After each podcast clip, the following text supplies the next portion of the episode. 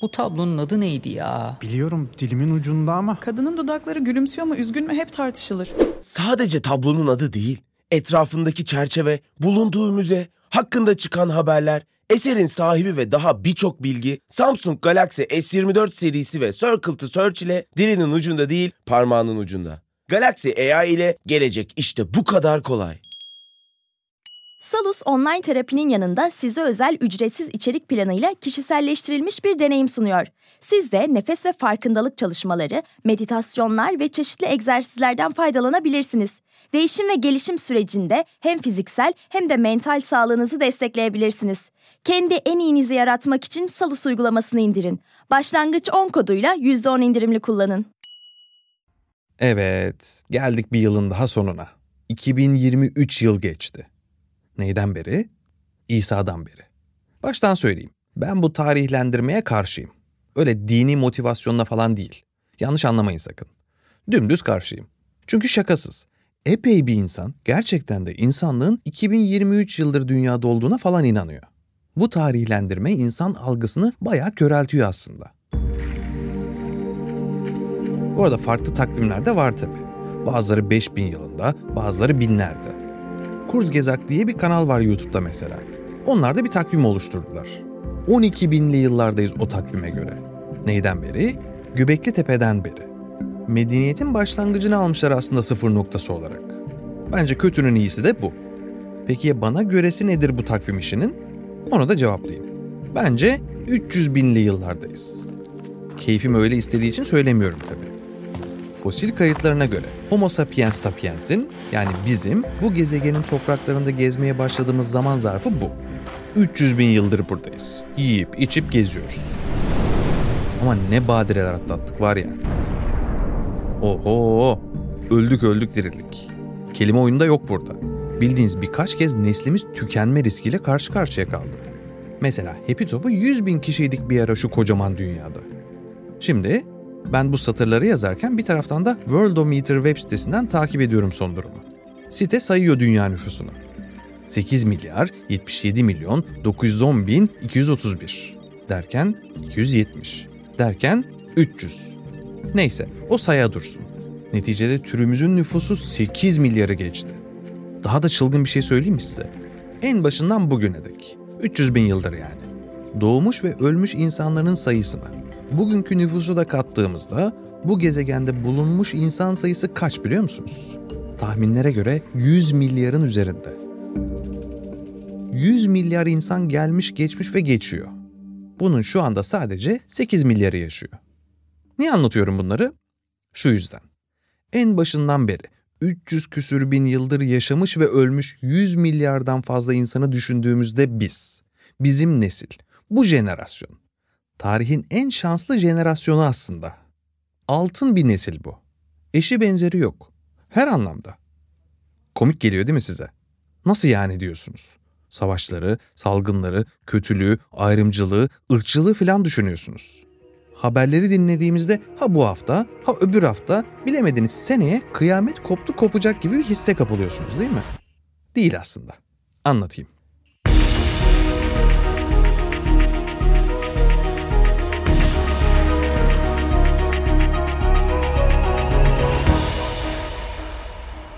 Basit bir soruyla başlayalım. Şansınız olsaydı geçmişte hangi zamanda yaşamak, ne yapmak isterdiniz? 1453'e gidip Fatih'le İstanbul'u fethetmek mi? Shakespeare'in oyunlarından birini canlı izlemek mi? 1960'larda hippilerle, minibüsünüzle dünyayı dolaşmak mı? Atatürk'le bir iki kelam etmek mi? 15. yüzyılda Michelangelo'ya Davut heykelini yaparken eşlik etmek mi? Ya da aklınıza gelen herhangi muhteşem bir tarihe dönmek ister miydiniz? Genellikle bu sorunun cevabı evet oluyor. Herkes geçmişte kendince muhteşem addettiği bir zamana dönüp o zamanlarda yaşamak istiyor. Benim tarzım tam 1930'lar Amerikası. Ya da benim içimde bir 1950'ler Fransız kadını yaşıyor. Ben bu zamana ait değilim diyen birileri vardır etrafınızda eminim. Kime sorsak şu an için tarihin en kötü zamanı ve bizler tarihin en talihsiz nesliyiz cevabını verecektir. Yalnız şu var ki, daha fazla yanılamaz bir insan. Şu an içinde bulunduğumuz zaman yaşanabilecek en iyi zaman aslında. Bunu ben iddia etmiyorum. Hatta ben hiçbir yorum dahi yapmıyorum. Bilim bunu söylüyor. Gelin önce istatistiklere bakalım, sonra söyleyeceğim bir iki şey olacak elbette. Öncelikle, insan artık daha uzun yaşıyor. Sadece 100 yıl önce dünyada ortalama yaşam süresi 30 küsür yıldı.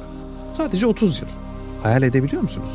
Güncel istatistiklere göre dünya genelinde ortalama yaşam beklentisi 2023 yılında 73.4 yıl. Bazı ülkeler bunu abartmış durumda. Mesela Liechtenstein'da ortalama yaşam süresi 84.95 yıl. İsviçre'de 84.38 yıl. Singapur'da 84.27 yıl ve İtalya'da 84.20 yıl. Ki bu çarpıcı fark sadece 100 yıl öncesiyle karşılaştırdığımızda ortaya çıkıyor. Öncesinde özellikle antik çağlarda durum çok daha vahimdi. Yeni doğan birçok bebek çocukluk yıllarını bile görmeden ölüyordu. Yine istatistiklere göre 4 bebekten biri daha ilk yılında hayatını kaybederken çocukların %49'u ergenliğini bile göremiyordu. İlk yılı atlatanların neredeyse yarısı yetişkinliğe erişemiyordu. Bugünse bu oran %3. Örneğin 1950-1955 yılları arasında dünya genelinde her bin canlı doğumda ortalama 152 bebek ölürken bu oran 2015-2020 yılları arasında 40'a düşmüş. Tamam şimdi doğum ve ölüm oranlarından bir sonuca mı varılır diye düşünebilirsiniz. Ama size sunacağım tek istatistik bu değil elbette. Buyurun bir başka istatistik size. Ki bu biraz garip gelebilir. İstatistikler diyor ki dünya şu an çok daha güvenli bir yer. Eminim içinden gülenler olmuştur bu bilgiye. Zira gazeteler, televizyonlar, X veya Instagram'da atılan postlar filan. Nereye bakarsak felaket senaryolarıyla karşılaşıyoruz. Medya kıyamet çığırtkanlığı yapmaktan geri kalmıyor. Salgınlar, açlık, savaş, terörizm derken dünyanın sonu gelmek üzere sanıyoruz. Ama işin aslı hiç de öyle değil tabi. Şöyle ki, insanlık tarihinin büyük kısmında nüfusun %15'i savaş ya da cinayet sebebiyle ölüyordu. Bunu günümüze uyarlarsak 2023'te 1 milyardan fazla insanın bu nedenlerle ölmesi demek bu. Sadece dünya savaşları özelinde düşünelim. Birinci Dünya Savaşı'nda 16 milyon kişi ölmüştü. Bunların 7 milyonu sivildi. İkinci Dünya Savaşı'nda durum daha da korkunçtu. 70 milyon insan ölmüştü. Ölenlerin 50 milyonu sivildi. Yaralı sayısını söylemiyorum bile. Bunun da ötesinde bazı bölgelerde savaş yüzünden erkek kalmamış. Demografik yapı tamamen değişmişti. Mesela Haçlı seferlerinde ya da Cengiz Han'ın işgallerinde ölen insan sayısını tahmin etmek zor olsa da bazı kaynaklar dünya nüfusunun önemli bir kısmının bu zamanlarda kılıçtan geçirildiğini söylüyor. Ama bugün bu sayı yani savaş ve cinayet nedenli ölüm sayısı 100 binde 6 ila 8 civarında. %15'lerden 100 binde 6'lara. Hatta Japonya'da bu oran 100 binde 0.5 civarında. Güvenli yer arayanlar için not olsun bu da. Bir de salgın mevzusu var tabi.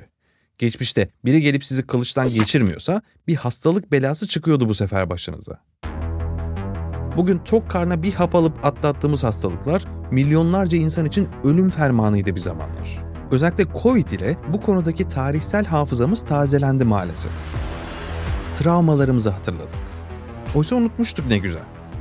Ama insanlık tarihi o kadar fazla salgın gördü ki ve o kadar insan, o kadar basit nedenlerle öldü ki aklınız durur. Veba mesela. Kara ölüm olarak da bilinir. 1347 ila 1351 yılları arasında Avrupa nüfusunun üçte birini öldüren, kimi kaynaklara göre 75 milyon, kimine göre 200 milyon insanın yaşamını sonlandıran bir salgındı. Sonra 1918 ila 1919 arasında İspanyol gribi 50 ila 100 milyon insanı öldürmüştü. Dünya nüfusunun %5'i kadardı bu o zamanlar. Günümüzde 500 milyona yakın insanın ölmesi gibi bir şey bu. Misal Covid modern zamanların en ölümcül salgınıydı ve 6 milyon civarında insanın yaşamını yitirmesine yol açtı. Tüm aşıları bir kenara bıraksak bile ki aşılar sayesinde çiçek gibi bazı hastalıkları tamamen yeryüzünden silebildik. Sadece penisilinin tek başına 2 milyardan fazla insanın yaşamasını sağladığı tahmin ediliyor. Bakteriler, bakteriyel enfeksiyonlar, menenjit, zatüre, cinsel yolda bulaşan hastalıklar ya da basit bir cilt enfeksiyonu nedeniyle insanlar bildiğiniz öylece ölüp gidiyorlardı. Modern tıp inanılmaz büyük bir nimet. Yani doktorları, araştırmacıları, hemşireleri, bu alanda çalışma yapan, insan hayatını kurtaran, iyileştiren, kalitesini arttıran herkesi şöyle pamuklara sarıp sarmalamamız lazım.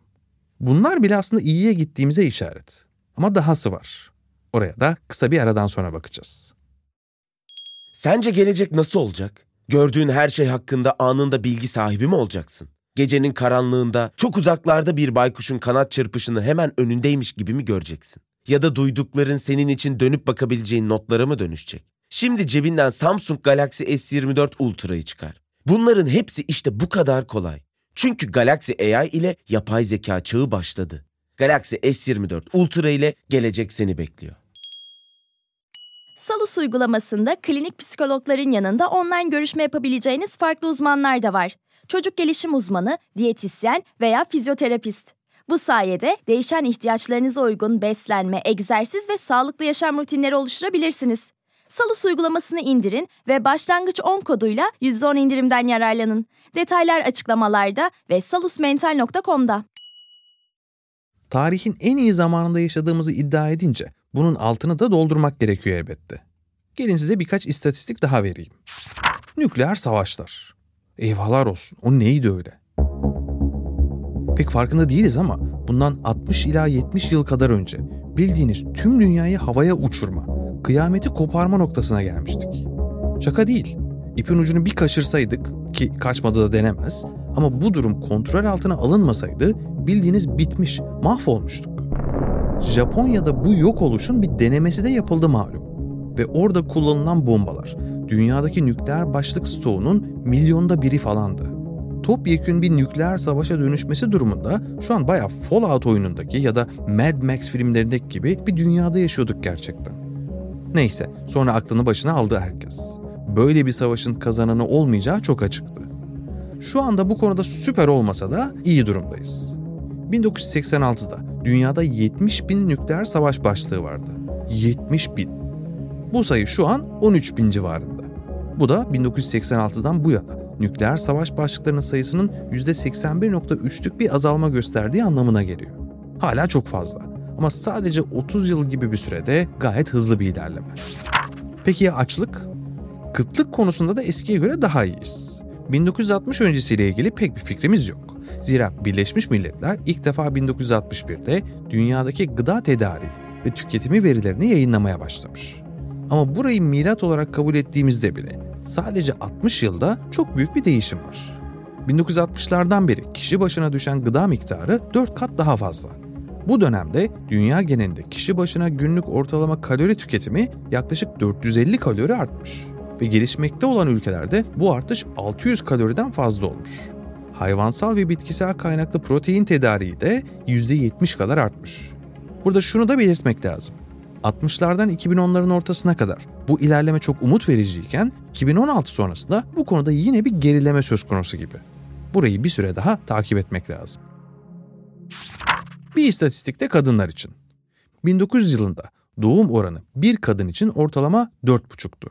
Yani 5, 6, 7 çocuk doğurmak çok olağandı o zamanlarda. Bunlardan bir iki tanesi de doğarken ya da doğduktan sonra bir sene içinde ölüyordu tabii. Bugünse bu sayı 2,5 civarında. Hatta gelişmiş ülkelerde doğum oranı o kadar düşmüş durumda ki kadın başına 1.2 civarında bir doğum oranından bahsediyoruz.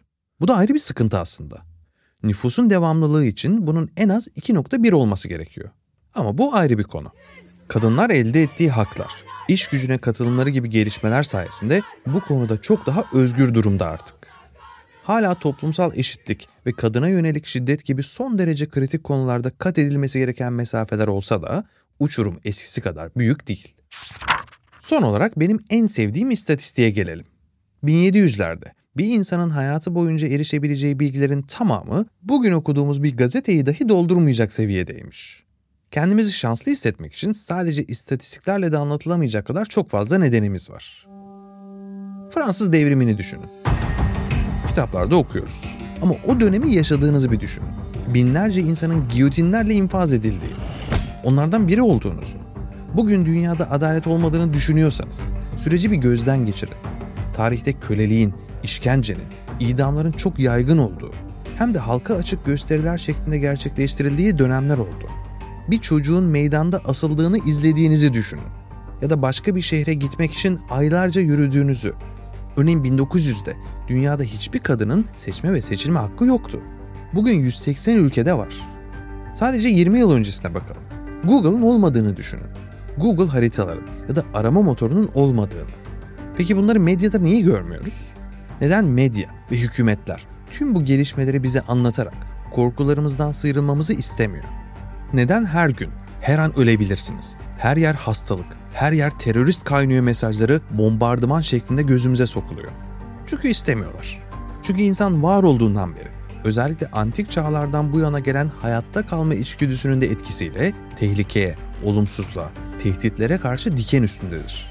Birine 100 tane iyi, bir tane kötü haber verirseniz hiçbirini duymaz ve sadece kötü habere odaklanır. O habere göre yaşar, korkar. Korku da hem medyanın, hem hükümetlerin, hem de şirketlerin işine yarar. Korkan bir topluma ürün satmak, korkan bir toplumu yönetmek ve yönlendirmek daha kolaydır. O nedenle bu bilgileri içselleştirerek, bu bilgileri yayarak korkularımızdan sıyrılma zamanıdır diye düşünüyorum. Çünkü iyi durumdayız. Bunu her gün kendimize hatırlatmalıyız. Neden mi? Zira bunu kabullendiğimizde ileriye bakabileceğiz. Korkuyla değil, umutla yürüyebileceğiz. Korkmadan geleceğe bakabileceğiz. Zaten çok uzun olmayan yaşamımızı en azından keyifle yaşayabileceğiz. Belki biraz sosyal medyadan ya da haberlerdeki tüm olumsuzluklardan biraz uzaklaşmak gerekebilir. Ama yapabilirsiniz. Bir korku detoksu yapıp kendinize zaman ayırabilir. Kendinize yatırım yapabilirsiniz. Evet, her şey güllük gülistanlık demiyorum. Polyanlacılık da oynamıyorum. Ve burada bahsettiğim istatistikleri sadece sayısal olarak görmek de doğru değil. Fakat bir ilerleme olduğu, geçmişe baktığımızda sayısız sorunu da çözdüğümüzü gösteriyor bunlar. Belki bunu duymaya ihtiyacınız vardır. Her şey yolunda. Değilse de yoluna girecek. Merak etmeyin. Belki bu bölümü de çevrenizle paylaşıp şöyle olumlu bir hava soluyabiliriz hep birlikte ne dersiniz? O zaman yeni yılda yepyeni bölümlerde görüşürüz. Hepinize mutlu yıllar.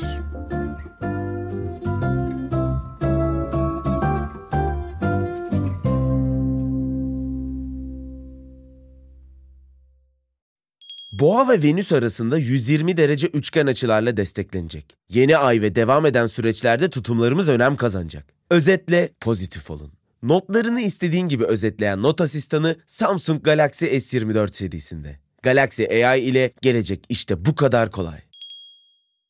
Salus yetkin psikologları ile terapiyi her yerden ulaşılabilir kılmaya devam ediyor. Yaşam tarzı değişiklikleri, adaptasyon sorunları, yalnızlıkla başa çıkma gibi konularda online terapi desteği için Salus uygulamasını indirin. Başlangıç 10 koduyla %10 indirimli kullanın.